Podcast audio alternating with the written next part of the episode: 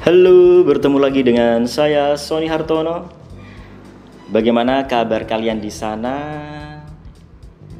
Ya, meskipun kita saat ini mengalami ya banyak hal yang belum pernah terjadi beberapa waktu lalu yaitu kita sekarang ini di tengah pandemi corona yang melanda dunia ya yang membatasi ya mobilitas kita tentunya sehari-hari ya, dan tentu kita harus merubah gaya hidup kita menjadi lebih bersih dan lebih sehat agar tidak terkena corona.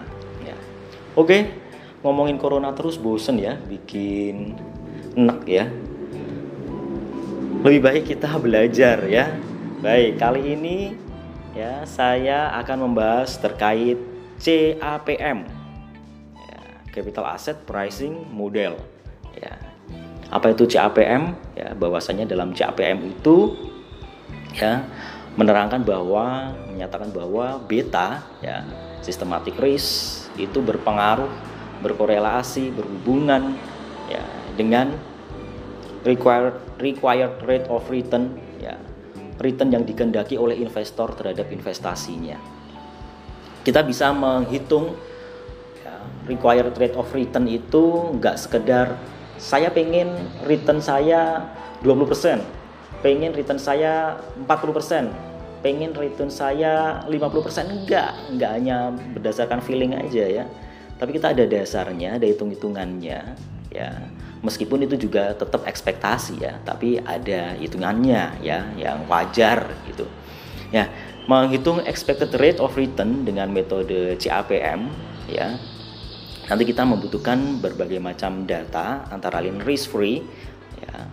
Risk free aset itu uh, interestnya berapa, rate-nya berapa, kayak itu kita butuhkan. Kemudian beta ya, beta saham tersebut ataupun uh, kalau kita bikin expected return of portfolio ya kita beta portfolio ya. Kemudian expected return market ya market di sini kalau di Indonesia ya kalau kita bicara tentang saham bisa diwakili dengan IHSG return IHSG indeks harga saham gabungan. Nah tentunya semakin ya semakin besar betanya ya semakin besar pula return expected return ya yang diharapkan oleh investor tentunya. Return yang diharapkan oleh investor terhadap saham tersebut semakin besar ya. Rumusnya kan RF plus uh, beta dikali ini ya market risk premium. Ya market risk premium sendiri itu dari expected return market dikurangi risk free. Ya risk free sendiri kita bisa pakai mungkin bisa pakai sertifikat uh, rate ya suku bunga sertifikat Bank Indonesia atau uh, mungkin interest atau rate dari obligasi retail negara ya. Ya tergantung tergantung ini ya. Jadi uh, kita mungkin ekspektasinya berapa tahun gitu ya. Kalau kita ekspektasinya misalkan uh, satu tahun lima tahun ya kita juga perlu melihat uh, instrumen-instrumen uh, investasi yang bebas resiko yang sekiranya mirip dengan tempo waktu yang kita ekspektasikan tentunya. Ya kemudian ya beta sendiri ya beta sendiri kemarin ya kita bicara beta systematic risk ya bagaimana masing-masing saham itu punya beta ya bagaimana pengaruh pasar terhadap performa saham itu itu berbeda-beda Ya, ada yang saham yang punya sensitivitas tinggi terhadap pasar, gejolak pasar, ada yang rendah. Nah, yang tinggi ini tentunya volatilitasnya sensitif, uh, volatilitasnya besar ya. Manakala pasar misalkan indeks IHSG naik 2%, dia naiknya 5% misalkan gitu. Kalau IHSG turun 2%, dia turun 5% bisa seperti itu. Itu yang volatilitasnya besar. Itu tentunya betanya lebih dari satu ya kalau beta satu itu berarti uh, sama dengan pasar alias dia tidak tidak ini ya apa tidak sensit tidak ada ini apa uh, biasnya terhadap pasar. Sama sama ya kalau pasar naik dua persen dua persen tapi nggak ada yang seperti itu. Ya adanya yaitu tadi beta yang nol. Nah kalau beta nol itu uh, gejolak pasar apa pun dia itu nggak terpengaruh. Ya misalkan ya itu tadi risk free asset ya ori sertifikat Bank Indonesia mau pasar ada corona mau ada krisis dan sebagainya nggak ngefek ya itu betanya nol tentunya ya, ya. nah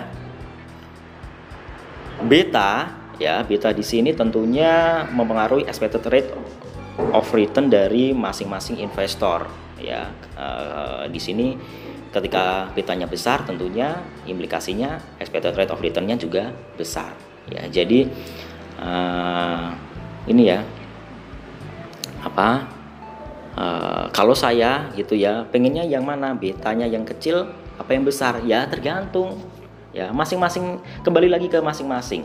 Ya masing-masing investor itu punya preferensi yang berbeda-beda dan karakter yang berbeda-beda. Dia risk averse atau risk takers atau di tengah-tengahnya ya orang yang menghindar resiko atau yang me, me,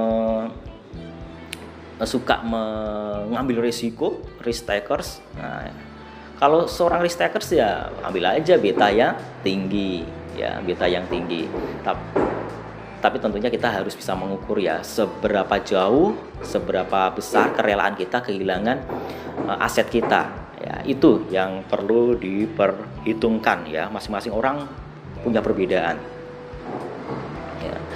Uh, oke okay. tadi rumusnya RF plus beta dikali expected return market dikurangi risk free ya.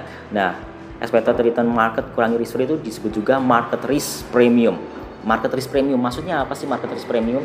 Maksudnya tuh gini ya. Jadi itu selisih ya. Selisih yang diharapkan pasar ya terhadap uh, rate uh, risk free asset ya. Jadi kalau kita nggak ada resiko aja ya kita investasi misalkan di ori aja aja itu interestnya 10% tentunya kita kalau berinvestasi di instrumen yang tidak bebas resiko atau yang berisiko tentunya pengennya yang lebih tinggi dong. Nah itu pasar menginginkan yang lebih tinggi dong. Berapa tingginya dari risk free? Nah itu namanya market risk premium. Jadi uh, kalau risk market pengennya 5% di atas risk free. 5% ya jadi expected rate uh, expected return of uh, market ya. Expected return market itu tentunya kalau tadi risk free-nya misalkan 10% dia pengen market risk premium 5% ya expected return marketnya 15% ya 15% Nah, kalau saham-saham yang uh, tinggi betanya tentunya lebih dari pasar ya ininya ya expected uh, required rate of return dari pasar tentunya uh, kalau yang pengen beta besar ya expected ya required rate of return investor tersebut tentunya harus lebih besar daripada pasar